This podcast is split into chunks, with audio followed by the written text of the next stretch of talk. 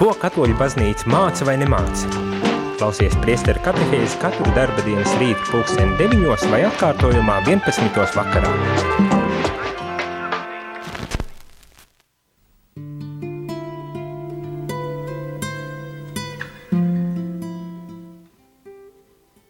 Labrīt, rādījumā arī klausītāji. Labrīt, šodien, otrdienā, kas šodien pa datumu, Kārli? 13. Pēkšņi aizmirsu. Jā, labrīt, 13. septembrī, un tu atkal klausies priestara katehēzi, un kā tu saproti, priesteris Jānis Meņikovs nav šorīt mums blakus, viņš ir, devis, ir devies ārpus Latvijas, un tādēļ Šīs nedēļas priestara katehēzes vadīs kāds no mūsu komandas, un mums būs, mums jau bija vakar viesis priesteris Andžejs, un šodien mums ir cits viesis, es pēc tam palūkšu viņu ar sevi iepazīstināt, un tad nākamās dienas tu atkal varē, ja tu klausīsies, tad tu gan dzirdēsi sarunu ar māsu Guntu, salīt paņemšu špikeri, gan ar, rīt būs saruna ar māsu Tabitu, ceturtdien būs saruna ar priesteri Marcinu Vozņaku, un piekdien tu varēsi dzirdēt uh, rīta katehēzē sarunu ar māsu Guntu. Bet šorīt mans viesis ir Tālāk es došu tev vārdu. tu vari pats ar sevi iepazīstināt. Labrīt. Man sauc Kārlis Freibergs. Priesteris gan neesmu, bet vienu brīdi biju ceļā uz priesterību. Tāpat kā Jānis Meļņikovs, es um, astoņas gadus biju Jēzus sadraudzībā, jeb uh, Jezuītu ordenī. Mm, divus gadus pavadīju novicijātā Innsbrukā, tad divus gadus studēju filozofiju Minhenē, divus gadus Lietuvā jauniešu, ar jauniešiem strādāju, arī mm, jezuītu novicijātā Lietuvā, un tad studēju garīgumu Londonā. Teoloģijas bija pirms tam izstudējis. Var sakot, tev ir kruta izglītība. tu esi ļoti zinošs tētis, vai ne? cik, te, cik bērniem tu esi tēvs? Nu, Četriem esmu. Un cik gadi tev jau laulībā ir? Ja tā, ja, Desmit. nu, ja nav noslēpums, jā, tad apsveicu. jā, man ir jāsaka, ka man tāds, tāds pārsteigums, nu, savā ziņā pārsteigums, jo Kārli mēs esam pazīstami jau ātrāk, tad, kad es atgriezos baznīcā, mēs ar Kārli kopā apmeklējām svētā Jāzepa, Jāzepa baznīcu. Bija tāda, vai ne? Laika. Jā, Dominikāņi toreiz tēvi. Jā, toreiz bija Dominikāņi tēvi, un tagad mēs patiesībā, šī ir pirmā reize, ne, kad mēs pēc daudziem gadiem uh, redzamies un satiekamies uh, Radio Marijā studijā. Dievam nav nejaušība. Tas ir tā. ļoti augsts pārsteigums. Jā. Kārli, tad tā kā mums šīs nedēļas tēma ir par garīgu aicinājumu un aicinājumu uz uh, klosterdzīvi, un uh, vakar priesteris Andžejs stāstīja par uh, priesterības aicinājumu, tad uh, vai tu vari pastāstīt, uh, nu, nedaudz, nu, vai tu nāc no ticīgas ģimenes? Kā tevī veidojās šis aicinājums? Jo man šķiet, kad es uzzināju, ka tu esi aizgājis uz no jezuītiem, man liekas, tas bija pārsteigums. Kāds tev tas pats aizsākums ir? Un, jā, nu man jau ir gandrīz 50 gadi. Tas nozīmē, ka es faktiski lielāko daļu izglītības esmu, kamēr mazs biju guvis slavenajā padomju savienībā. Un, bet, jā, tas bija man par laimi 16 gadu vecumā man izdevās aizbraukt uz Vāciju, uz Minstras Latvijas ģimnāziju un tādā ziņā aizmukt no pēdējiem diviem ģimnāzijas gadiem te Latvijā. Tā ir iespēja, ko man liekas, man daudz paziņas izmantoja šo šo Minsters, nu tā bija vidskola, ne ģimnāzija, ārzem. Jā, ko? Vācu vidējā izglītība ģimnāzija. Jā. Un, nu, es domāju, lielākais pārsteigums tur bija man saprast, ka es, teiksim, nu, pusi no tām lietām, kuras esmu, kuras man tagad jāmācās Vācijā, ka otru pusi es patiesībā neesmu apgūst, ka pusi man bija zinām, varbūt eksaktās lietas, Un tad jau sākot ar sociālajām, tur vēsture, reliģija, jārunājot par vēsturi arī ieskaitot, un arī mākslas un mūzika. Faktiski man bija pilnīgs jaunums, ne tā kā es to biju mācījies. Nu, reliģijas vispār nebija mācījies, mm, bet vēsture arī. Mm, faktiski tas uh, es tajā brīdī sapratu, ka es ļoti daudz ko nesaprotu. Kad es nu, jā, ļoti daudz ko nezinu un nesaprotu. Un tajā laikā, kad es gimnāziju beidzu, man bija vajadzēja izvēlēties, nu, kur iet studēt. Sākumā es biju pilnīgi drošs, ka es uh, iešu saistībā ar datoriem, datorika, informācijas tehnoloģijas, matemātika. Tas man bija jau pilnīgi skaidrs, kur es sapņoju par kaut kādu MIT Amerikā, vai kur tas man bija tā reāli tā mērķis. Bet jo tuvāk tuvojās tas gimnāzijas noslēgums, es sapratu, ka tik daudz ir nezināms. Ka vienkārši tagad izvēlēties kaut kur iet konkrēti studēt, es vēl nebiju nemaz gatavs. Tāpēc es vilku lozes no tādiem desmit priekšmetiem, ko es gribēju studēt. Un, uh, pirmajā vietā bija filozofija, otrajā bija tā pati informācijas tehnoloģijas, bet man kaut kā sakrita ar stipendiju, ka es dabūju, es kaut kā pārpratu, es domāju, ka man ir jāiet informācijas tehnoloģijas studēt, un es informātiku studēju. Šeit Vācijā? Nē, Vācijā. Ah, Vācijā. Bet tad, tajā studiju laikā es sapratu, ka tie jautājumi, kas man ir atvērti, ar vienu man vairāk nodarbina un nodarbina, tas neliek dzīvot. Un, ja šodien mēs runājam par aicinājumiem, tad es domāju, tas ir tas punkts, kur ja tā man vajadzētu nosaukt, ka tur tas aicinājums tiešām kļuva ar vien vairāk un spēcīgāk sadzirdams, kas man nu, neļauj mierīgi vairs dzīvot tā un mācīties, kā es to biju varbūt iedomājies. Un, Faktiski tajā laikā arī notika tāda atgriešanās pie kristietības ļoti daudz ko meklēja arī nu, kaut kas, kas bija pieejams tajā laikā, varbūt arī padomju teiksim, savienības sabrukuma laikā. Ezotērija bija ļoti populāra, ezotēriskā literatūra bija ļoti daudz Latvijā. Kaut ko to es biju tur palasījis. Tad kaut kādas astroloģijas, maģijas, nu, no šī tā visa. Tad arī austrumu reliģijas, nu, no visa kaut kā, ko es kaut ko, mm, kas man trāpījās pa ceļam, es mēģināju kaut ko vairāk uzzināt, saprast, kas ir kas. Un tieši studiju laikā, tālāk informātikas studiju laikā, kad man tas sācinājums uh, bija tāds, teiksim, visasākais, es tā domāju, nu, es esmu cēlies no kristīgas um, valsts, es man ir tomēr kristietība vistuvākā, un ja tāds dievs vispār ir, tad uh, man vajadzētu vairāk pievērst uzmanību kristietībai, un tad es pēkšņi tā radikāli pārtraucu tās studijas aizgāju uz Latviju, un es gribēju tā, tā ļoti kritiski pieiet, ne konfesionāli piesaistīt, bet tiešām ļoti kritiski pie, pasudēt e, kristietību, cik, cik iedzīga tā lieta ir. Un tad teoloģijas fakultātē Rīgā studēju, un vislielākais brīnums, kas man tajā laikā piemeklēja, ka es, tad, es biju krist, kristīts Lutrāņu uh, draudzē, studiju laikā lasot Karlu Rāneru, kas bija viens no slavenākajiem mhm. katoļu teologiem, man tā kā mm, vēlreiz tas ticības brīnums notika. Tā valoda, kā viņš rakstīja, vai runāja par lietām, man um, pavēra pilnīgi jaunu skatu uz to visu, un tas man likās, wow, tiešām tas ir tiešām notika tāds liels brīnums. Es rakstīju arī bakalaura darbu par viņu teiksim, galvenajām centrālajām tēzēm. Drīzāk tas bija drīzāk pašam ievads priekš manis, lai saprastu vispār, kā viņu lasīt un kā saprast. Bet uh, rakstot to darbu, es lasīju arī par viņa biogrāfiju, un viņš stāstīja tur, kāpēc viņš izvēlējies būt par jezuītu. Viņš bija tieši arī jezuīts. Mm. Viņš stāstīja, nu, ka viņš būtu labprāt bijis arī kaut kāds uh, jurists vai kā, nu, kā arī mūsdienās jaunieši izvēlās vienkārši tā kā, nu, galvenais, lai ir karjera un arī darbs.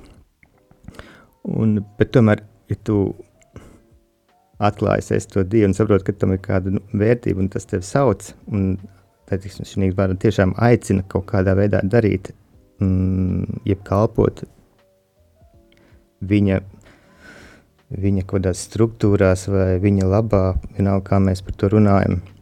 Tad uh, viņa vārds bija tam kalpot baznīcai, bija viņam tas, kāpēc viņš arī iestājās tajā ordenī. Un, jā, un tas man bija ļoti labs arguments, lai pašam sāktu domāt vairāk par to. Un par jēzuītiem vairāk es arī uzzināju. Mm, teiksim, šo studiju laikā, lasot Karlu Rāneru. Tad, Tieši teoloģijas fakultātē jā. studējot. Un, eh, tā, kad es biju beidzis to fakultāti, man bija pilnīgi skaidrs, ka es gribu iestāties uh, ordenī. Mm, tad es sazinājos ar uh, tur, ko es zināju no Vācijas, vairāk bija nācis kontakti ar Vāciju. Bija, tad es tieši tur rakstīju, cik es varēju atrast toreiz internetā. Tas interneta, internets piedāvājums bija ļoti vājš. Lielākā daļa tomēr grāmatu bija jāmeklē bibliotekās un jāved un jākopē kaut kur. Bet nu, kontakts es atradu. Tad, uh, ja man jāstāsta īsumā, pastāstīšu pārējo mm. ceļu. Es sapratu, ka es esmu kā, kā jezuītam stājoties iekšā, man būtu jāstājas provincē, un province Lietuva, Latvija. Tad tālāk es tiku novirzīts uz Lietuvu, un lietuvieši man aizsūtīja uz Innsbruku, jo nu, es zināju vācu valodu, jā, jā Austriju. Un es ļoti priecājos, protams, par to. Um, uh, Innsbrukā arī Rāners ir uh, apglabāts. Tā kā man tāds... Uh, mm, tu tāds viņa fans esi, jā, daudz sveceļnieku tieši tā kā gala mērķīs tā pilnīgi dāvanas veidā arī ierados. Divus gadus biju noviciātā, kur, kur tā programma īsumā mm, ir tāda, ka tu savu mācies pirmkārt par ordeņu vēsturi, statūtiem, konstitūcijām, kāda ir ordeņa mērķi. Cik gadus ilga? Uh, divi gadi. Divi gadi noviciāts. Tad arī mācās dažādas lūkšanas veidus, tās paši ignācisko lūkšanu padziļināti, bet arī dažādas citas lūkšana veidus. Mm, Saucamās ignāciskos garīgos vingrinājumus iziet vairākas reizes garos 30 dienu beigās, bet arī pa nedēļai regulāri. Tas bija liels bagātinājums tieši iemācīties dažādus tos lūkšanu veidus. Gan arī tāds uh, klasiskāks, varbūt, ko mēs arī zinām, un mazāk klasisks, līdz pat tādām, kas ir līdzinās jau kā zen meditācijai. Un viss tas zem tāda ignāciskā garīguma, kur tu saproti, ka tas, kādā veidā tas ir daļa no šīs tradīcijas un kurā brīdī un kam vairāk piemērot šī lūkšana. Ir un tādas lietas, kuras es nekur citur droši nebūtu varējis apgūt, mm, ne skolā, ne augstskolā, bet tieši esot tādā noviciātā. Nu, jā, tas bija ļoti bagātīgs laiks, un ja divos gados man būtu tiešām jāpieņem izvēle, vai iet vai ne, neiet. Man nu, nekādu šaubu vispār nebija tajos divos gados, ka es gribu iet tālāk. Nu, tā formācija ir garāka. Cik desmit gadi iezoītiem ir? Nu, tur jā, individuāli, jā, 10 līdz 15 daudz, vai jā. pat 18 kā kuru reizi. Pēc noviciāta gan tu no savas puses dod mūža solījumus, kas man patīk, ka tu, tu netaisi tā kā mūžīgo pagaidu pasākumu, bet tu no pu savas puses jau sākumā pēc diviem gadiem izrādi savu gatavību. Bet ordenis no savas puses savukārt tos solījumus dod pēc tiem pēdējiem solījumiem, mm -hmm. kas ir pēc tiem 15 gadiem. Nu, kā, tad jau līdz tam laikam tev būtu tiešām jābūt sapratušam, vai tu gribi tos vai negribi. Bet uh, tas, ka no sākuma tie mūža solījumi, tā ir taisnība, jā, un tas man patīk. Bet tas ir no tavas puses. No manas no, jā. puses, jā, vienpusīgi. Jā, un tie runājot par aicinājumu, es to vienmēr tādu spēcīgu izjūtu, un kas man, es nezinu, kā ir citās kopienās, nu, Ignāciskajā garīgumā ļoti vienmēr svarīgi ir tas pamat uzdevums ir meklēt dieva gribu, ja, tas, kas var būt atbilstošāks, tiksim, izvēloties šādu ceļu. Un um, atrast tā, meklēt dievu un atrast un sajust sevi, mm, vadoties pēc sajūtām un stāvokļiem, tādiem iekšējiem vai vēseliskiem, garīgiem, kādu vārdu mēs gribētu lietot, atpazīt to, uz kuru pusi tev vairāk velk. Un, ja mēs atgriežamies pie tāda jautājuma, nu, kā tu daži, piemēram, jautā, nu, tā, tagad tev, tu jūti to aicinājumu, kas tad pēkšņi tagad ir mainījies, kāpēc tu ej projām? Un tad man atbilde droši vien ir tāda, ka, nu, varbūt Dieva aicinājums nemainās. Es tomēr arī pats Dievs ir nemainās. Bet tas, ko es zinu, ko es saprotu, kādā vidē es esmu, tie apstākļi mainās. Nav tā, ka es esmu pašā sākumā tādos, man noviciātā varbūt bija ideāli apstākļi tādi, kādus es to. Tad pirmkārt arī bija Austrijas province, cita vide un kultūra, kuras tā mm, ļoti labi iejutos, es varbūt arī tos pašus prakses, jeb eksperimentus, kā saucās, kur arī slimnīcās tika strādāt ar jauniešiem, nu, dažādās vidēs, nevis tikai tādā siltumnīcas atmosfērā. Arī tad es jutos ļoti labi. Un tas viss divos gados. Jā, nu, tas ļoti intensīvs patiesībā tas noviciāts. Un tāpat beigās nepietiek, ne? Nē, nu. Nē, nu, nē, nu tas ir labs veids, kā patiesībā nu, saprast arī, nu, saprast, kas, nu, ko nozīmē, jā. Tas uh, tavs aicinājums uz šo ten uh, garīgo, tu, nu, klosterdzīve, vai ne? Tā ir klosterdzīve. Jezuīti jau ir uh, ordenis tas ir, klosters. Bet tas nav varbūt tāds klosteris kā slēgts klosteris, kur tu aizēji no pasaules projām. Bet uh, tā ir kopiena, kas ir ļoti atvērta pasaulē, bet uh, ordenis tas ir, jo tīri nu, pēc tam konstitūcijas un kārtībām viņš ir tā, mm, teiksim, iestādīts vai uzstādīts kā ordenis, bet tas tajā laikā, kad tas arī tika izveidots, jeb dibināts, tas arī bija kaut kas tāds, kaut kāds jaun, jauninājums, jo klasiskie klosteri ar vienu būtu no sākot no benediktīņu, ja mēs runājam, tāda, ko cistercieši, kas slēgta tipa, un, un viņi ar vien vairāk atverās arī tie paši mm, franciskāņiem vai dominikāņiem runājot, viņi arī jau daudz vairāk atvērtāk un tādu pastorālu rīcību. Un Jēzus tādā ziņā vēl atvērtāk, un mūsdienās viņiem pat arī nekāda ordeņa tērpa nav, viņi varētu brīvi nav atpazīstami varbūt. Nu, tas kā arī kā kurā valstī, man Amerikā viņi konsekventi varbūt tomēr piester, uh, priesteram, teiksim, kreklu velk un tā atpazīstam pēc kolāra, bet Eiropā vai Vācijā arī cenšas arī to nedarīt, nu, kaž, lai būtu tuvāk cilvēkiem, lai neveidot nekādas atšķirības tādas ar apģērba ziņā. Lai, nu, t, nu, tas ir vienmēr no kultūras atkarīgs no lokālā konteksta. Galvenais, lai nu, būtu tuvāk cilvēkiem, un tas mērķis ir arī kalpot ticībai, kalpot baznīcai. Nu, man personiski bija ļoti tāds, runājot par tālāko darbību, arī atklājums, kā, kā mūsdienās sludināt to kristietību. Globalizētā sabiedrībā, kur tik daudz informācijas pieejamas ir un kur cilvēki ir ļoti viegli var atrast citas veidus, ko nodarboties, nu, visdažādākos. Un ļoti daudz ir argumentu, lai teiksim, neuzskatītu baznīcu par nopietnu un vispār nepievērstu viņai uzmanību, kaut vai tāpēc, ka nepatīk cilvēkiem institūcijas. Uh, Um, kas man tagad mācīs, kā dzīvot. Un, um, un tāpēc uh, jēzuītiem bija tas uh, misijas galvenais punkts, ka tu nevari vairs mūsdienu tādā pasaulē sludināt ticību, kamēr tu neiestājies par taisnīgumu. Tas pirmā pazīme visās, kā, pirmais kā centiens visās sabiedrībās iestāties par taisnīgumu. Tad jebkurš cilvēks, kas varbūt meklē Dievu, arī atpazīst to kā Dieva tādu zīmi, ka ir ka te notiek iestāšanās par taisnīgumu, ka tu neatļauj veidoties ne sabiedriski, ne politiskām tādām netaisnām struktūrām, kur kāds cits izmanto otru. Mm, vai arī tiek izmantoti dabas resursi nesamērīgi. Arī nu, tāds taisnīgums ne tikai pret cilvēku, bet arī pret visu to vidi, kurā mēs dzīvojam, arī pret dabu un pasauli kopumā. Un tas man likās ļoti moderna pieeja, kas ir nu, šķiet bija ļoti. Es nezinu, ja man vajadzētu pateikt, kā labāk sludināt uh, kristieti vai kā, kā cilvēkiem kalpot ticībai. Es domāju, ka nav ne, šī pieeja vēl viena ir aktuāla. Nu, tā varbūt Odina izkristalizējās 70. un 60. gadu beigās. Arī tas pats bēgļu jautājums, tas toreiz kļuva aktuāls ar Vietnamas bēgļiem ka tu atklāji, ka tu nevari atļaut cilvēkiem tādos migrācijas apstākļos, kur viņi kaut kāda apstākļa cīti tiek pārvietot vai spiest pārvietoties. Viņus kaut kā atgrūst. Tas tavs pienākums, nu, viņus uzņemt, par viņiem rūpēties, aizstāvēt viņus. Šī piemērs kā arī taisnīgums. Tad, um, nu, jezuīta ordenis tad arī tā aktīvi iesaistās nu, tādu nu, sociālo ne, nu, jautājumu risināšanā. Tā sanāk.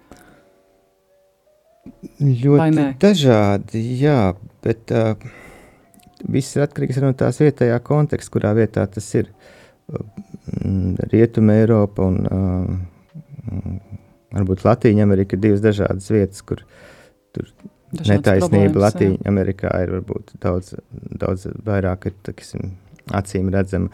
Rietuma Eiropā, jā, tas, tie paši bēgļi varbūt ir liela problēma, kur uh, Eiropas Savienība un mūsu politiķi uh, nu, negrib redzēt to problēmu, labāk runā par robežu stiprināšanu, lai tie, teiksim, es esmu dzirdējis no teiksim, respektabliem Latvijas politiķiem, apmēram, lai tie švaļi tur no Āfrikas nelien mums virsū, ja mums jāaizsargā. Un tu redz to vienkārši to mūsu elites arī attieksmi pret to cilvēku dzīvību. Tu vienkārši viņus tā noniecini, tu pat neredz viņā nekādu vērtību. Un Es domāju, ka Latvijā baznīca arī vajadzētu šeit uzņemties tādu līderību, lai cilvēki redz, ka baznīca ir progresīva, ja, kā institūcija progresīva, ka viņi ir stabili un progresīvi tie pašā laikā, ka nevar kaut kāds arī liberāls politiķis pēkšņi būt vēl uh, cilvēkus vairāk mīlošs par baznīcu. Es domāju, tas ir uh, neiespējami, jo iespējams baznīcas ietvaros tā var būt, bet uh, vienkārši tādiem tīriem liberāliem um, ideāliem, kādi ir vienai vai otrai partijai, viņi pat tūlīt nestāv tai bagātībai, ko baznīca spēja dot attiecībā mm, pret attieksmi pret cilvēku, to pašu taisnīgumu, pret um, atbildīgu teiksim, dabas uh, resursu izmantošanu. Bet par to jārunā, un tās problēmas visu laiku ir kādam jāpaceļ. Un tas man likās tas, ko varētu darīt Latvijā, un uz ko es arī biju gatavojies cerībā. Man tas uh, pavērsiens negatīvā virzienā, kāpēc es kļuvu ar vien vairāk vīlies, visā bija tīri tajā, ka es ka ļoti piesaistīts Latvijai. Biju. Es nu, visu laiku biju iedomājies, ka es varēšu Latvijā to darīt, ka es varēšu atgriezties Latvijā, un pēc tiem astoņiem gadiem. Tu biji astoņus gadus, ja, iezuīt. Jā, nu, formāciju astoņiem, tu saņēmi. Jā. jā. Nu, faktiski man nākamais solis vajadzētu iet uz ordināciju, bet nu, līdz tam laikam es sajūtu pietiekoši lielu to diskomfortu un arī atsvešinātību konkrētajā situācijā kā tādā. Un arī tajā pašā laikā tu taisi arī regulāri tos um, garīgos vingrinājumus, jeb rekolekcijas un meklē, mēģina sataustīt to. Un, no vienas puses tas ir kā, uh, nu jā, tā kā svaru kausos jāliek, ko tu mm, izsver to tajā konkrētā brīdī, un tu jau jūti, ka tu arī no somātiski kaut kādas pazīmes sāk veidoties, kas tev rada diskomfortu, vai jūt, ka kaut kas nav lāgā. Un es domāju, ka tas galvenā problēma ir nevis teiksim, tikai es atceros to noviciātu laiku vai studiju gadu sākumā, tas tā liekas, tā ir tāda ideālā pasaule. Ka to konkrētajā dzīvē, tu redzi, nu, mūsu tajā pašā organizatoriskā vienība, kas Latvijā bija pakļauta Lietuvu Latviju cik es gadus ilgi tur nerunāju jau ar lietuviešiem, ka beidzot kaut kas Latvijā jāsāk darīt. Mēs visi latvieši bijām vairāk, visi mācījāmies lietuviešu valodu, visi darījām kaut ko Lietuvā. Tu pēc tam formāciju saņēmi Lietuvā pēc tiem diviem gadiem. Sākumā bija Innsbrukā. Tad es biju filozofija Vācijā divi gadi, ah, kā, un tā, pēc ir tā. prakse tāda. Tad ir, es biju noviciātā Lietuvā, kur mm -hmm. es faktiski mā, iemācījos lietuviešu valodu arī sākumā. Tas ir, ja atskaita, teiksim, garīgumu vai lūkšanas praksi un vispār izpratni par garīgām lietām kā tādām. Otrs lielākais iegūms ir tieši lietuviešu valoda. Man kā latvietim nu, tāds bagātinājums priekš manis kā, kā latviešu. Arī kā patriotam, tā diezgan drīzāk nacionāls teikt, noskaņotam, man, kas priekš manas pašas valodas un identitātes tā lietuviešu valoda, jā, es nezinu, tas bija liels atklājums. Es esmu laimīgs par to lielu pateicību. Es nekad nebūtu iemācījies to. Nu, jā, nebija plāns nekad uh, doties uz Lietuvu. Vienmēr tā ir tāda kaimiņš, bet tomēr sveša zeme. Tas tikai tā piemetinot. Nē, tas ļoti labi, es to piefiksēju. bet, jā, nu, lietuviešiem pašiem viņiem ir divas gimnāzijas, viņiem darba pietiek, arī skaits iet mazumā. Latvija viņiem tika piestelēta klāt, bet nu, īsti interesi viņiem par to nebija. Un tad, kad tu to saproti, tad tu zini, nu, Um, nu, pie iezītiem tā visa tā darbība Rietumēropā, kā es redzu, viņi tomēr ir tāda, es teikšu, militāros jēdzienos, ja mēs runājam, tad pat karš notiek, ja, un tur mēs redzam, ka tur neviens tādos tā, ja kamēr tu notiek tādos ierakumos sēdēšana, nekas tur uz priekšu neiet, tur vajag tieši tajā akt, aktīvu darbību frontē, un tur vajag kaut kādu tādu, nu, tanku dūri, nē, lai kaut ko pabīdītu uz priekšu runā, nu, dialogā ar ateismu, vienalga sekulārismu, kā mēs to nosaucam. Un kamēr nav šādas tanka dūris, bet katrs tur nodarbojas ar kaut kādiem saviem hobijiem, vienam tur mazliet rekolekcijas, citam tur mazliet mises, citam tur savs fanu pulciņš, kas garīgi jāapkalpo. Un tādā gadījumā es to redzēju kā muļāšanos, nu, ka tas arī Latvijā nav. Tam man drīzāk būtu jābrauc uz Āfriku, kaut kur tur, bet man ir tā vilka uz mājām, ka tas man, man iekšēji darīja tik lielu nesavienojumu konfliktu. Uh, Ka... Tu gribēji būt gandrīz, nu, varētu teikt, tāda, ka misionārs savā zemē. Ja?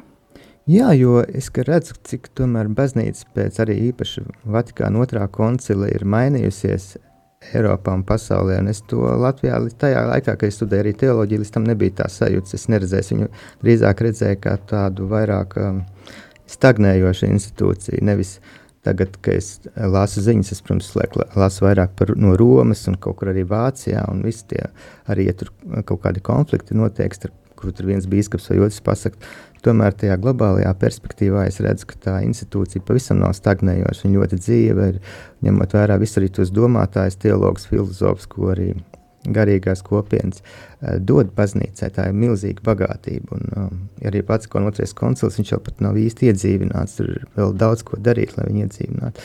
Un tas ir tas, ko es gribēju darīt. Ja. Tā, radio arī klausītāji, mēs šorīt sarunājamies ar Kārli Freibergu. Es zinu divus Kārļus Freibergus, ja? un tad viens no tiem ir šeit pie mums radio studijā. Uh, Tad, ja tev ir kāds jautājums Kārlim, tad tu vari zvanīt uz tālruņa numuru 67 969 131, ja ir kāda vēlme kaut ko pajautāt. Un, ja nezvanīt, tad var arī rakstīt 266 77 272, un mēs atkal dodamies nelielā muzikālā pauzē.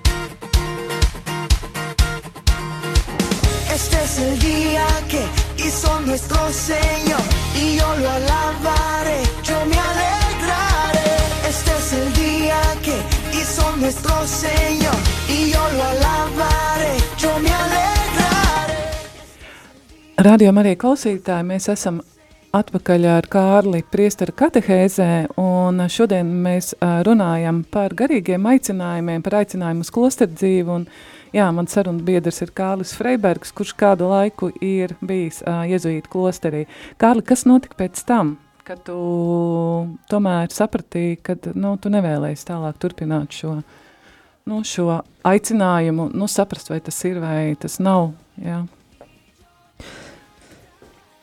Es nu, protams, atgriezos Latvijā, man bija jāuzraksta teiksim, tā, tā vēstule, ar lūgumu vēstulēm un atbrīvo no tiem solījumiem, kurus esmu devis. Un tur es kā, nu, kā galvenu argumentu rakstīju, ka es īsti laikam nejūtu, nejūtos, ka es esmu tajā organizācijā, vismaz savā, savā provincē, um, kādā es biju iedomājies, vai tā plānoju iestāties. Nu, bet tīri no sacīvis, ka tas bija tieši 2008. gads, kad bija finanšu krīze. Tad, cik es mēģināju kaut kur meklēt darbu pēc sludinājumiem, nu, diezgan tomēr tāda, ja es nekad nebiju kautrējies, nekad rakstīt savā CV, ko es esmu darījis, un arī neizlaist nevienu, teiksim, punktu. Tad es domāju, no, nu, arī kādās personāla atlases firmās, cik es biju, man tā skaidri un gaiši pateica, ka tas izskatās diezgan šaubīgi un nevienam nesaprotam šeit Latvijā, un ka man vajag kaut kādu sakarīgu izglītību mm -hmm. dabūt, lai vismaz varētu kaut kādu CV tur sūtīt. Nu, tad es, es jau varbūt, varbūt sākumā kaut ko biju domājis, un es domāju, nu, nu ko te visi studē, man IT turpināt studēt likās varbūt, nu, pārāk specifiski. Es domāju, varbūt vajag kaut ko vispārīgu. Nu, tad es prasīju, nu, nu, ko kaut kāds šis te mm, maģisks biznesa administrācija vai kas MBA, tie angliski saīsinājums. Vai tas derētu? Viņa teica, o jā, noteikti tas būtu ļoti labi. Un uh, cita atlases firmā savukārt vienkārši kurjos, kā tāds man pārmet, kāpēc es vispār esmu tagad atgriezies Latvijā, kāpēc uh, gribu atņemt darbu citiem. Nu, tādā situācijā es biju Un tad es tiešām tur, es tās studijas iesāku Rīgas biznesa skolā. Un, nu, jā, nu, kurjos, varbūt tā motivācija. Bet to es izdarīju priekš CV. Un gan jau kaut kur nodarījies. Tagad uh, beidzot esmu kaut tādā amatnieka darbā, kā es sākumā domāju, ak, es redzu, tas ir datorlietas lietas vai lietas ap datiem, kas informācijas tehnoloģijās ir tā kā savu veidu modernas akmeņus. Uh, Es jūtos kā arī kā celtnieks ar, ar, ar datiem, varbūt akmeņu vietām, bet viņi arī, arī tur pareizi jāslīpē un tad um, varbūt pareizi jāmūrē un arhitektam jābūt arī labam, kas tur iesaistās. Un, um, es domāju, tas um, diploms arī kaut kur noder īpaši vai kādos publiskos konkursos pieteikties vai kā viņi vienmēr kaut ko tādu prasa. Tā es domāju, tas nebija zemē nomests laiks, bet uh, nu, vispār par izglītību Latvijā man ir mazliet tāda skeptiska varbūt, attieksme, ka cik es esmu pieredzējis arī tajā laikā, cik ļoti daudz plaģiātismu, tur interneta laikā, cik daudz ko kopēt cilvēku un neviens īsti nepārbauda. Nu jā, bet tas tā, bet katrā ziņā man bija atgriešanās diezgan grūta, jā. Um, nu es, jā, man, nu kā man iedeva laikam 400 latus un soļo. Tā tas bija. Cik ilgi tev vajadzēja to adaptāciju? Nu tā, lai tu atkal ietu tādā Jo es saprotu, pēc tam uz ārzemēm neaizbrauc. Tu šeit, tad, nu, Latvijā. Tad es esmu nu, šeit uz, uz vietas. Tas, un patiesībā arī, valodu zināšanas tev ļoti plaši iespējas. Nu, tas man bija galvenais mērķis tieši būt Latvijā. Varbūt laika posms bija tas mazliet neizdevīgs. Es, nu, es domāju, ka man tā, tas viss, tas tā aiziešana un atnākšana, es nezinu, vai to var skaitīt kā kaut kādu providence vai sakritība, vai vienkārši katram pienāca savs laiks, bet nebija tā, ka, ka man bija tiksim, jādzīvo tādā tā kā tukšumā, nu, pēc daudzām lietām, ar kurām es ilgojos. Nu, piemēram, ģimene kā tāda man um, vienmēr ir bijis ideāls. Nu, pirms tie trīs uh, solījumi, kas tiek koordinēti, piemēram, tas nabadzības, ja, nu, nu, šī gadījumā nauda tādā ziņā, vai tāds īpašums tev ir vai nav, nu, man nebija nekāds vājais punkts. Es domāju, tas, tas man daudz neuztrauc. tur būt paklausīgam kādam priekšniekam, man tieši gribējās nekā tieši militārā jēdzienā piedalīties kaut kādā uzbrukumā frontē, jā, nu tā pārnestā nozīmē. Bet uh, ģimene un tā fiziskā tuvība kopiena, nu, tieši būšana kopā ģimene, tāpēc arī neesmu gatavs kādam emerītam, bet nejūtu aicinājumus tad emerīt dzīves stilu. Tas, kas arī man būt par, par priesteri draudzē, vienkārši draudz dzīvi un dzīvot vienam, nesot piederīgam kādai kopienai, man likās, nav īsti priekš manīm, bet ordenis kā dzīve kopienā, tas ir tas, kas man aizstātu to ģimeni, un tev ir tas galvenais uzdevums, un tu ziedojies tam mērķim. Un šajā gadījumā tad ģimene bija no tiem trīs lietām, kas man būtu bijusi tāda, nu, ko es būtu savā veidā kā, nu, no kā atteicies, tā varbūt pa īstam, jā, nu, kaut kādas li augstākas lietas labā. Un uh, vienam dzīvot ārpus ordeņa, bet arī ne ģimenē, un tad uh, jautāt Dievam, kur tad tā ģimene, tad ilgu laiku tas droši vien būtu šausmīgi depresīvi, un es nezinu, kā tas būtu viss noticis, bet man, teiksim, ar, es domāju, tas paveicās, ka viss, ka, jā, ka es, mm, es pat nezinu, kā to, lai pasaka, ka tas, tas cilvēks, ko būt kopā, vienā brīdī bija, un tu viņu redzēji, un tā arī uztvēri. Un tas, ir, tas bija, man liekas, arī kaut kādā veidā brīnums, jo nebija jau viņi tā kaut kā pēkšņi uzrodas un nokrīt. Dažreiz varbūt tā ir, bet nu, tu ilgu laiku dzīvo, un tu arī tiecies ar cilvēkiem, un ir mm, dažādas tās sajūtas, un nekad nav un, um, nav bijusi tāda, tāda līdzīga sajūta, kur tu jūti tādu drošību un māju, un tur arī kā aicinājumu sajūta tiem pašiem instrumentiem, ko es esmu noviciātā apgūvis. Tu uz lietām skaties varbūt savādāk nekā tu pirms tam skaties, un man ļoti viegli bija uzreiz momentā pateikt, ka tas ir mans ceļš un ka tas ir īstais cilvēks, ko būt kopā. Es nezinu, vai man būtu prasme to nesot ordenī pateikt. Es nezinu. Patiesībā tas ir viens no iegūmiem, ka ne tā tad šī, nu, šīs ten uh, rekolekcijas, nu, ar to jau arī, nu, jezuīti man, nu, man, priekš manis, man šķiet uh, īpaši, kad viņi spēja tā kā atpazīt uh, caur šiem garīgiem vingrinājumiem, ja, to cilvēka, nu, dzīves ceļu, kad viņi spēja, nu, virzīt, ja, tieši pastorālā, gar, nu, tādā garīgā vadībā cilvēkus. Nu jā, galvenā ignāciskā lūkšana, faktiski, kuru iedresē noviciātā jau pašā sākumā, ir pavisam īsa, 15 minūšu, bet viņi var būt arī īsāki. Pats Ignācijas teica, ka pietiek arī ar vienu minūti vai pat mazāk, ka tu esi Dieva klātbūtnē tiešām nonācis. Šis saucās eksāmens, man liekas, latviski viņa grāmatā, grāmata ir izdot, saucās izv izvērtas lūkšana, manuprāt. Nes viņu sauc pa eksāmenu, man liekas, Ignāciskajā pasaulē pamatā viņa pa eksāmenu sauc. Un tas ir tāds īsts mirklis, kur tu divreiz dienā nonāc Dieva klātbūtnē un uh, paskaties uz sevi, uz sevīm, savām sajūtām viņa klātbūtnē. Tā īsi faktiski pietiek. Noviciātā tu dari ļoti tā kārtīgi, retrospektīvi, ejot cauri varbūt tur stunda pēc stundai, un tad, kad tu esi iedresējis pēc kaut kāda laika šo pieeju, šo paskatīšanos, retrospektīvo paskatīšanos Dievu klātbūtnē un pie reizes arī tādu sajūtu apzināšanos, tad tā sajūta nepamet, arī viņi to visu laiku viegli izsaukt. Kā, nu, ļoti viegli sajust, ka tu kaut kur esi kaut ko darījis vai tu kaut ko esi ne, tu, ne tur aizgājis.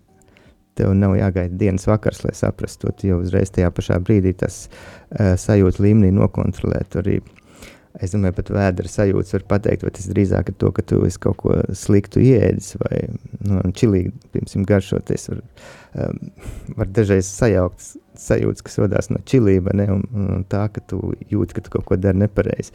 Bet arī to jāiemācās atpazīt. Šeit.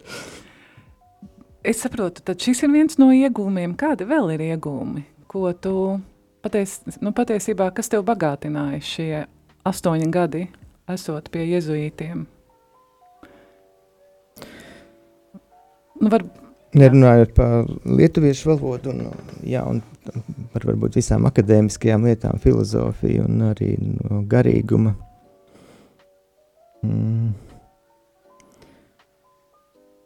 Varbūt tās atra, atrast arī mājas baznīcās, nostabilizēties baznīcā, respektīvi arī tā, ka katoļu baznīcā. Nu, protams, baznīca arī plašāka nozīmē uztver, bet uh, tad, kad es studiju laikā, teiksim, konvertējos uh, un kļuvu par katolis, tad nevienu brīdi neesmu to nožē, nožēlojis, un arī ar vien vairāk kā, sajūtos mājās. Bet tas skats ir tiešām pāri Alpiem, arī tu redzi to Romu, un tu jūties kā mājās kā visā pasaulē, ja, un tu arī līdz dzīvo baznīcas problēmām. Savienotajās valstīs, arī citās Latvijas valstīs, kurās varbūt neesi bijis, bet palasot ziņās, kaut kā jūti līdzi. Esot ordinējis, bija arī ar afrikāņiem, korejiešiem, eh, protams, eiropiešiem, ar visdažādākām tautām. Tu esi bijis kopā ar indiešiem. Un tu, jā, tā ir tā perspektīva, un tu jūties baznīcā kā mājās. Tas ir varbūt vēl viens iegūms liels. Tev baznīca ir daudz plašāka, ne tikai nu, katoliskā baznīca. Daudz plašāka nekā nu, nu neviena draudze jā, šeit, kas ir nu, Latvijā. Jā, Jā, tā ir pasaules elpa. tā es jūtos, jā. Es domāju, tas ir liels iegums. Tāpēc es arī nekad nevarētu būt mazā vietējā draudzē, protestantu draudzē, ka nekas tā nav individuāli pret protestantiem, bet es nevarētu tikai dēļ šī paša apstākļa dēļ, ka es, ka tu jebkurā vietā esi pasaulē, tu esi kā mājās, jebkurā vietā baznīca, un tu jūti arī to, nu, jā, to kopības sajūtu. Tā, mm, tas, tas ir forši. bet tu no, tā rānera varbūt no tā galvenā bilde kas ir arī attiecībās ar Dievu, ko katrs piedzīvo, tad, kad tu stāvi paslēgt horizontu priekšā un tu, da, tu spēlējies kaut kādā tur sēdzi smilškastē un tur smiltiņās kaut ko dari, tās ir tavas tās maziņās lietiņas, ko tu dari, un tu pacel skatu pret horizontu un jā, tu esi Dieva priekšā, un tas ir tā, nu, protams, arī, arī lokālā baznīca esot un mazā draudzītē, to visu var piedzīvot, bet tādu, jā, globalizācijā būt katolim. Man, man, man ir ļoti patīkami, tas ir forši. Ko tu ieteiktu tiem uh, cilvēkiem, nu nevien uh, puišiem, bet arī nu, meitenēm, jo mēs šodien runājam vispār par garīgu aicinājumu, ko, ja mums laiks atļaus, tais, nu, tad es tev uzdošu kādu nu, jautājumu, ko tu ieteiktu, uh, kuri domā, kuro, kuros, nu, tajos nu, jauniešos vīrieši, uh, gan vīriešiem, gan sievietēm, kuri jūt, ka viņās ir kaut kas nu, tādas ilgas pēc Dieva, kaut kā atdot savu dzīvi Dievam. Bet uh, es atbildi nedošu. Ko tu ieteiktu? Es domāju, līdzīgi kā man bija, kad eh, jābūt, tā, ka, nu, jābūt drošam, ka, tev, ka tu vari pamēģināt noteikti. Es domāju, nevajadzētu baidīties no nekā un vispār no Dieva nevajadzētu baidīties pat līdz tam, ka nu, kaut kādas baznīcas varbūt pavēles, tad drīzāk jāatver, jāuztver kā aicinājums. Nevajag domāt, ka kaut kas uh, tikai kā caur sodu un bailēm, un tāpēc es varbūt atsakos drīzāk eksperimentēt, izmēģināt. Un jāskatās, kāds ir piedāvājums Latvijā, bet es arī ceru, mainoties tehnoloģijām, tagad virtuālā realitāte kļūst ar vien vairāk pieejama, ka cilvēks var uzvilkt brilles, varbūt būs vēl visādas iekārtas nākotnē, kur varēs pieslēgties vēl pilnīgākā mērā arī tu varēsi pieslēgties, piedzīvot. Tagad jau tas notiek, ka tu vari pieslēgties dievkalpojumam arī Amerikā, bet, protams, tā komunikācija cilvēkiem nav tik pilnvērtīga. Tu atrodies baznīcā, tu jūties, ka tu esi baznīcā, bet tā komunikācija vēl nav tik pilnvērtīga. Bet es domāju, ar laiku tas attīstīsies un tādas jauniešiem iespējas arī virtuāli, ja arī Latvijā uz lokāli kaut kāds piedāvājums nav, izmēģināt dzīvi tādā kā kopienā, mācīties arī garīgumu. Nu, piemēram, Eiropā ir jezuītiem, es kā, kā piemēru minētu, ir dažādas jauniešu programmas Eiropas jezuītu brīvprātīgiem. Es nezinu, vai Latvijā varbūt ir kāds varētu parūpēties, lai te arī kaut kāds kaut kāda maza kopiena. Viņi tā kā jaunieši dzīvoklī dzīvo kopā, viņi arī viņiem ir garīgā programma, viņi dara kaut kādus darbus, un tad arī vakarā dalās, viņiem ir mm, tāds kā aplīts dalīšanās. Nu, ir magijas programma jauniešiem, iezītiem, kur viņi mm, tā kā vairāk kā nometni, varbūt jaunieši, kur viņi arī veids dažādas eksperimentus, saucamos, ir piedzīvo svētceļojumu, piedzīvo kaut kādu tur ubagošanas, piedzīvo tādu eksperimentu veids vai arī sociālo darbu vai arī mākslu nodarbojas, un tad viņi mācās garīgumu šādā veidā, bet tas piedāvājums varbūt Latvijā ir limitēts, un tad vienmēr jākrāj nauda un kaut kur jābrauc arī uz tiem pašiem, uz tām pašām rekolekcijām. Um, nu, vienas pašas rekolekcijas, domāju, arī nevar atrisināt visu. Labi, ka to ir ilgstošā laikā, var kaut kādu programmu iziet un atrast kaut kādu kopienu, kas to ne? piedāvā. Tas ir ceļš, tas jā. ir pat varbūt vairāku gadu garumā. Bet uh, jāmēģina noteikti.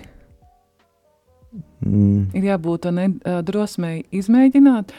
Un, jā, man šķiet, ka mums pagājušajā nedēļā bīskaps uh, Viktors Tulpins teica, ka vismaz ir nu, nepieciešams uzrunāt un vismaz piedāvāt pamēģināt. Jā. Jo, nu, nu, ja tu nepamēģināsi savu aicinājumu, jā, tad nu, tu arī nekad neuzzināsi. Jo ir par maz, ka tev kāds saka no malas. Jā, tev ir pašam arī šis uh, solis nu, jāspēr, jā, un nu, nepietiek vien domāt. Jā, ir jābūt arī kādai uh, rīcībai. Man uh, pārsteidza, tas bija daudzus gadus atpakaļ, kad es uh, patiesībā tie ir vairāki cilvēki, nu, vairākas mammas. Uh, kas ir patiesībā tādi lūkšana cilvēki un katoļi. Nu, jā, es šeit par katoļiem runāju, un kuri patiesībā nemaz nevēlas, lai viņiem bērni izvēlās šo klosteru dzīvi. Jā, it, pat uh, savā ziņā to ar tādām nelielām uh, šausmām uztvēra. Jā, man patiesībā ir, nu, jā, man ir bijusi nu, saskarsme jā, ar, uh, arī ar uh, ar šādām domām, nu, šādiem uzskatiem. Kārli, vēl kāds uh, jautājums. Jā, es nācot šurp uh, uz uh, nu radio, es domāju, mums ir tēma garīgais aicinājums. Mums abiem diviem, kuriem ir ģimenes, ir bērni, vai mums nav aicinājums? Nav garīgais aicinājums. Vai tas ir, vai tas ir tikai klosteru cilvēkiem, tikai uh, priesteriem, kā mums, ikdienas cilvēkiem, ikdienas uh, katoļiem, kas ejam uz uh, svēto misi, reiz gadā, ja laiks atļauj kādās, nu, kādos garīgos vingrinājumos vai kādai kopienai piedaram, kā ar mums ir? Mums nav? Es domāju, tas būtu vienkārši aicinājums. Jā, tas... varbūt ne tā, ļoti plaši. Jā, ja tas būtu kaut kāds ļoti konkrēts aicinājums no kāda, varbūt uh, ordeņa cilvēka, tad tas būtu tiešām ordeņa cilvēka aicinājums, bet, ja mēs runājam par garīgu aicinājumu, tad garīgs aicinājums ir aicinājums, kas nāk no mūsu attiecībām ar Dievu. Un es domāju, tas ir katram ir savs aicinājums, un tas vienmēr ir garīgais aicinājums. Kādā formā viņš tālāk izpaužās vai aizved cilvēku, vienmēr atkarīgs no tā, tās vietas, kā jau sākumā teicu, no mūsu pieredzes, no vietas, kur mēs esam, no cilvēkiem apkārt. Kā viņš ievirzās. Es domāju, ka no Dieva puses viņš ir paliek nemainīgs, viņš aicina pie sevis un aicina sev kalpot, bet tā kā mēs to saprotam un atrodam sevi, tas ir jau mēs mainamies. Un tas, es domāju, no mūsu skatu punkta, skatoties, liekas, viņš mainās, bet es domāju, visiem viņš ir universāls, mums arī kā kristiešiem. Tev ir cik trīs dēli? trīs dēli un vēl meita. meita. Jā. Tad, uh, kā tu skatīsies, vai tu par to lūdz. Nu, labi, varbūt tas tā, tā ļoti vispārīgi. Ja tev kāds no dēliem pateiks, es gribu kļūt teikt par priesteri vai meitu pateiks, es vēlos savu dzīvi kā klostermās. labi, tā ir, nē, patiesībā kāds ir tavs tāds? Tu, tu nes par to domājis? Es šobrīd vairāk domāju, kā man viņiem pašiem runāt par šīm lietām. No vienas puses man gribās kaut ko viņiem iemācīt, No otras puses, man ir bail viņiem iemācīt, nesot tādam labam pedagogam, priekš ar maziem bērniem strādājot, iemācīt kaut kādu nepareizu priekšstatu par Dievu. Un man ir arī bail no svētdienas skolām, jo es nezinu, kādas ir svētdienas skolas un kur tur viņiem iemācīs. Es vienā aizliegtā paņēmienā pašā sākumā redzēju, man tur bail palika pavisam. Es, ja kāds man var pateikt svētdienas skolu, kur cilvēkiem, bērnam neiemāca bailes no dieva, neiemāca, ka dievs ir kaut kāds tāds um, drīzāk kā, kā tētis, materiāls varēja. objekts, bet arī kā tētis. Es um, arī esmu piesardzīgs un grūti atrast īsto brīdi. Es pat viņiem īsti pulksteni nemāku iemācīt, jo to viņi varbūt skolā, skolotāji viņiem. Viņi arī to kā institūcija uzreiz saprot, ka tur tomēr kaut kāda cita noteikuma mājās, atkal ir citi un neņem tevi tā vairs tik nopietni. tikai tad, ja kaut kāda pēkšņa beigā palīdzība vajag. Un mājas darbā neviens neprasa pats pastāstīt, kas ir Dievs, bet nu, es cenšos maziem impulsiem ik pa laikam ļoti pacietīgi kaut ko pateikt. Galvenais, lai nepateiktu par daudz un lieki, lai nerastos nepareizs priekšstats. Es domāju, ka cilvēkam veidojas sapratni, smadzenes attīstās līdz 25 gadiem, kā tādi dze, datora dzelži. Līdz tajam laikam cilvēks ļoti savu uztveri var mainīt daudzos dažādos jautājumos, esot, es ticu, ka Dievs runā ar katru visu laiku, un man um, vairāk ir, es esmu norūpējis, lai viņi vispār būtu, kā cilvēki būtu gatavi uztvert, lai viņiem neviedotos nepareizi priekšstat par kaut ko, kur jau viņi tā šabloniski uzreiz atsakās, un tad viņam jāterē daudz laika, lai atkal pie tā nonāktu atpakaļ. Bet lai viņi būtu atvērti, un tajā brīdī, kad viņiem būs tas uh, vecums, kad viņi sajutīs to aicinājumu, ka tad viņi varēs ā, labāk atbildēt. Un, ja tad kāds pateiks, nu, ka viņš grib iet uz klosteru vai seminārā stāties, nu, es ceru, ka man nebūs nekāda pretenzija. Es varētu tikai, tas man liktos brīnums, faktiski. Jo pašlaik viņi apgalvo, ka viņi netic Dievam, tāpēc es tā, tas man būtu tiešām pat, patīkams pārsteigums. Jā, tad vai ir nākotne šiem garīgiem aicinājumiem? Dzīvei uz uh, klosteru, tieši uz klosteru dzīvi un uz, uh, nu jā, es arī teikšu uz priesterību. Kāds tavs skatījums šoreiz tīri, jā, kā tu uzskati? Es teikšu, ja īsi jāatbild, es teikšu, kad ir nākotne un vispār baznīcai kā tādai, es domāju, ļoti būtiska loma būtu jāspēlē.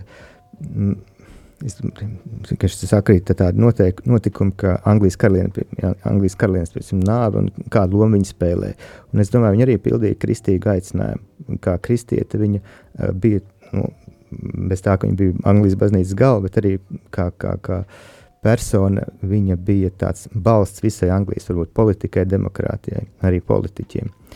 Un mums, uh, skatoties arī tādas Trumpa, varbūt popularitāti un arī populistu popularitāti vispār, politikā vienmēr vajag kaut kādu stabili, stabilitāti, tādu, lai, lai, lai baznīca būtu pietiekoši tāda pieņemama, taksim, atvērta un stabila vienlaicīgi.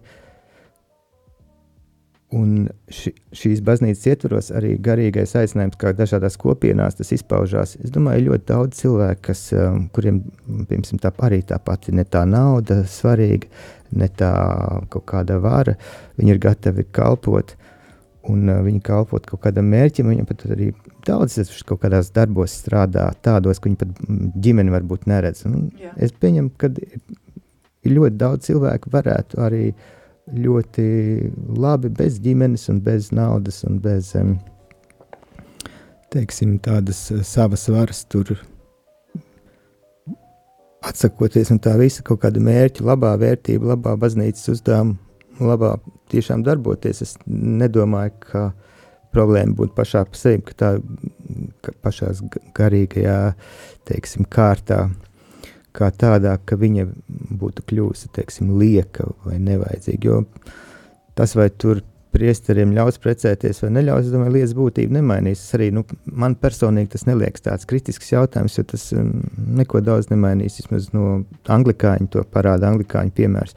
Tā kā ne par labu, ne par sliktu tur nenāks, bet ja baznīca nonāk līdz tam, ka viņi, kur tik kā teoloģis varbūt problēma nebūtu, um, līdz, tādām, līdz tādām pārmaiņām. Bet es domāju, ka tas lietas būtībā arī nemainīt, jo tas nav galvenais šķērslis. Drīzāk ir, es domāju, visa tā kopējā aina, baznīcas loma, kā sabiedrība redz baznīcu. Jā, sabiedrība atpazīst baznīcu kā progresīva, kā stabila vērtība, kas dod stabilitāti, tad piesaista dzīvē garantijas sajūtu arī politikā. Nevis tikai mums prezidents tādā ziņā ir vājš. Politiķi te nāk un iet, un vēl daži nekaunīgi vienkārši turpina sēt tādu polarizēt, populari, populismu sēt, jā, un, un uh, tikai dēļ tās savas kaut kādas varas vai interešu naudas dēļ. Un baznīca šeit varētu būt kā liels balsts arī ārpus tam politiskajām struktūram katram cilvēkam. Un A. vienkārši populārāk baznīca būs, un arī garīgi aicinājumi būs ar vien vairāk, es domāju. Bet man arī priekš manis cilvēki, nu, es personiski savā dzīvē nu, nešķiru, vai cilvēks ir nu, klosterī, vai viņš ir tāds lais, kas iet ikdienā uz darbu un savus bērnus ikdienā audzina, bet kas man ir svarīgi pie klostera cilvēkiem, manā skatījumā tie ir cilvēki drosmīgi, kuri ir sevišķi tie mūsdienās, kuri ar habitu, jā, staigā, kad viņi ir kā liecība par to, ka Dievs ir. Par to, ka Dievs ir, un tā ir realitāte, kas tomēr pastāv. Un uh, priekš manis, ja, tā ir redzama zīme, es ar to negribu nevienu aicinājumu izcelt, ja, bet ir drosme mūsdienās staigāt ar habitu. Ja. Un uh, bija vienreiz viens uh, gadījums, ah, vēl tikko pagājušajā nedēļā man nāca uh, pretī viens uh, jauneklis vecerīgā, un es redzēju, ka bija kariķi, kariķēts uh, priestara tērps. Un uh, vienreiz kāpjot iekšā Siguldas nu, baznīcā, es redzēju kariķētu klosters māsas tērpu, ja? un man patiesībā tas ļoti sāp. Un tad man gribās uh, kliegt, ko jūs darat, ja? jūs nu, vispār nu, nesaprotat, jā. Bet tas ir tas, ko tu teici, kā, kā mūsdienās, kā mūsdienās uh, pasniedz nu, baznīca. Kārli, paldies, bet šī cita tēma. Vai tu vari pabeigt šo raidījumu ar tavreizi lietuviešu valodā? Tu teici, ka labi, varbūt esi sveicināta. Tikai nesaka, ka tu esi aizmirsis. Man pats pie sevis jānoskaita sākumā. es, es fona mūziku uzgriezīšu skaļāk. labi, tas nekas, ka tu kādā brīdī saminstināsies, bet...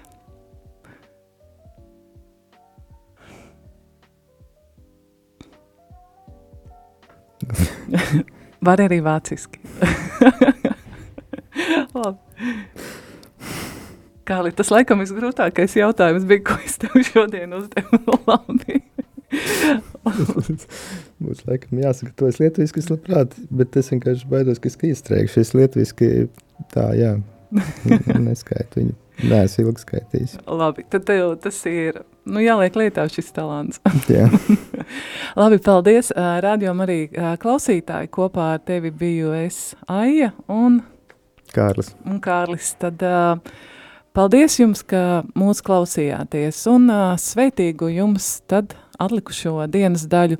Šodien pulkstens divos tu varēsi klausīties māsas Meinārdes raidījumu vienkārši un mierīgi. Māsa Meinārde atsāk savu astoto, se, nē, nevis savu astoto sezonu, bet atsāk savu raidījumu šajā sezonā. Paldies jums visiem!